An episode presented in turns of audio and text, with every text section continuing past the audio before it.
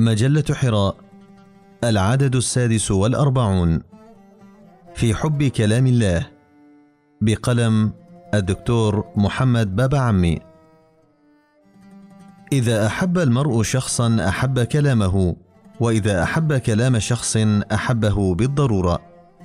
أما من فصل بين الشجرة وثمرتها وفرق بين الإنسان ومنطقه ثم ادعى هوى للأصل دون الفرع أو للفرع دون الأصل فقد ناسب أن يسمى داعيا لا حبيبا القرآن الكريم كلام الله تعالى.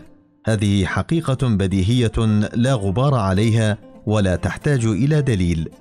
والمسلم السوي بطبعه يحرص على إظهار معاني حب الله لينال رضاه ورضوانه. غير أن المفارقة أن قلة من الناس من يرتبط بكلام الله برابطة الحب والعشق.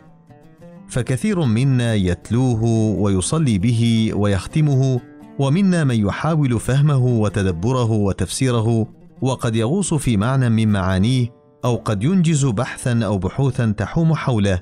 غير أن كل هذا قد لا يعني بالضرورة أننا نرتبط بهذا الكتاب بقلوبنا ووجداننا ارتباط الحبيب بمحبوبه ونتعلق به تعلق العاشق بمعشوقه. إذا غابت محبوبة هائم اسودت الدنيا أمامه وإذا تمنعت وهجرت ضاقت عليه الأرض بما رحبت وإذا بدلت به غيره تمنى الموت وضجر من الحياة. وإذا ماتت وانتقلت إلى باريها لازم قبرها باكيا مبكيا وهو لا يهجرها ولا يتنكر لها إلا إذا انصرف قلبه عنها وصادف حبا آخر غير حبه الأول أو إذا وجد من ينسيه في حبيبه المألوف ويغريه بتجربة جديدة وأمل حقيق. أما إذا اعتاد صاحبنا تغيير الحبيب على وقع المواسم والتقلبات فذاك المخادع الكذاب وذاك هو الأفاك المبين. الآن أسأل نفسي هل أحب القرآن الكريم ثم أسألها ثانية وهل يحبني هذا الكتاب العظيم؟ قد أستعجل الجواب وقد ألقي به باردا دون تفكر. نعم لا شك في ذلك. وقد أسوق بعض الأدلة وبعض الأمثلة على قربي من كلام ربي وارتباطي به غير أن الخبر اليقين مخبأ هنالك في قرارة قلبي وفي أغوار وجداني واضح لي وضوح الشمس في رابعة النهار صريح عندي صراحة القمر حين اكتماله بدرا. لا تخفى الشمس ولا يخفى القمر إلا لمن أغمض عينيه أو أدار ظهره لمصدر النور.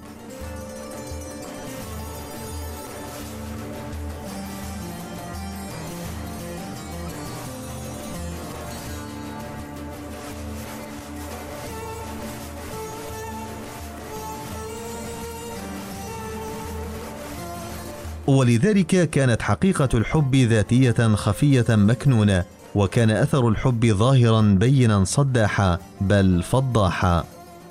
لو أنك وضعت نسخة من المصحف الشريف بين يدي عجوز أعجمية لا تعرف من العربية شيئا إلا ما تصلي به ثم رأيتها جالسة بوقار تضمه إلى صدرها وهي تبكي بعيون منهمرة لا تلوي على أحد ولا تأبه لما حولها ولا لمن حولها تيقنت أن المرأة تتفنن في معاني الحب للكتاب الحكيم وتمارس لوازم الحب لهذا الكتاب الكريم. أما إذا رأيت منغمسا في تفريع ألفاظ القرآن اعرابا وبلاغة وبيانا أو من يحيط به بعلوم مختلفة مما تخصص فيه ثم هو مع ذلك لا يتحرك قلبه قيد أنملة ولا يعبر عن هواه هنيهة فهمت أن المسكين ابتلي بجفاء القلب وهزم بجفاف الوجدان. لكن إذا أبصرت من يصل القلب بالعقل فهما وقراءة وتفسيرا لكلام الله سبحانه ثم إحساسا ووجدانا وتمثلا وإدامة وصل بكلام الله جل شأنه فلم يقطع ما أمر الله به أن يوصل ولم يجعل القرآن عضين ولم يفرق بين قول وفعل ولا بين فهم وحب وهو فوق ذلك يحمل كلام الله إلى مفاصل الحياة لينيرها ويرشدها وهو مع ذلك يجذر كل حركية ومشروع وفكرة ومؤسسة واختيار وكل إقدام أو إحجام بجذور غائرة في تربة كلام الله تعالى الطيبة الحية المحية المعطاء. إذا رأيت أحدا من هؤلاء فاعلم أنه من الكمل وهو محسوب في عداد المؤيدين حق له أن يكون للمتقين رائدا وإماما وهو ولا شك عند الله محبوبا. قل إن كنتم تحبون الله فاتبعوني يحببكم الله. يحبهم ويحبونه. حاجتنا اليوم إلى السمو بالقرآن نحو مقام الحب والعلو به إلى مقام العشق موصولا بالفكر الصريح والفهم الصحيح.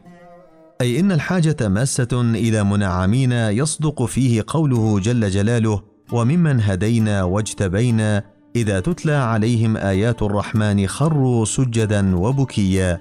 وممن هدينا واجتبينا هو شطر التوفيق والتمكين والعمارة والعقبى فيهم. خروا سجدا وبكيا هو شطر الحب والعشق والصدق والعرفان في حقهم. أما إذا تتلى عليهم آيات الرحمن فهو عنوان المنهج ودليل الطريق ووصفة الانعتاق من الدائرة المغلقة ومن أسباب الوهم والادعاء المعرفي والوجودي على السواء.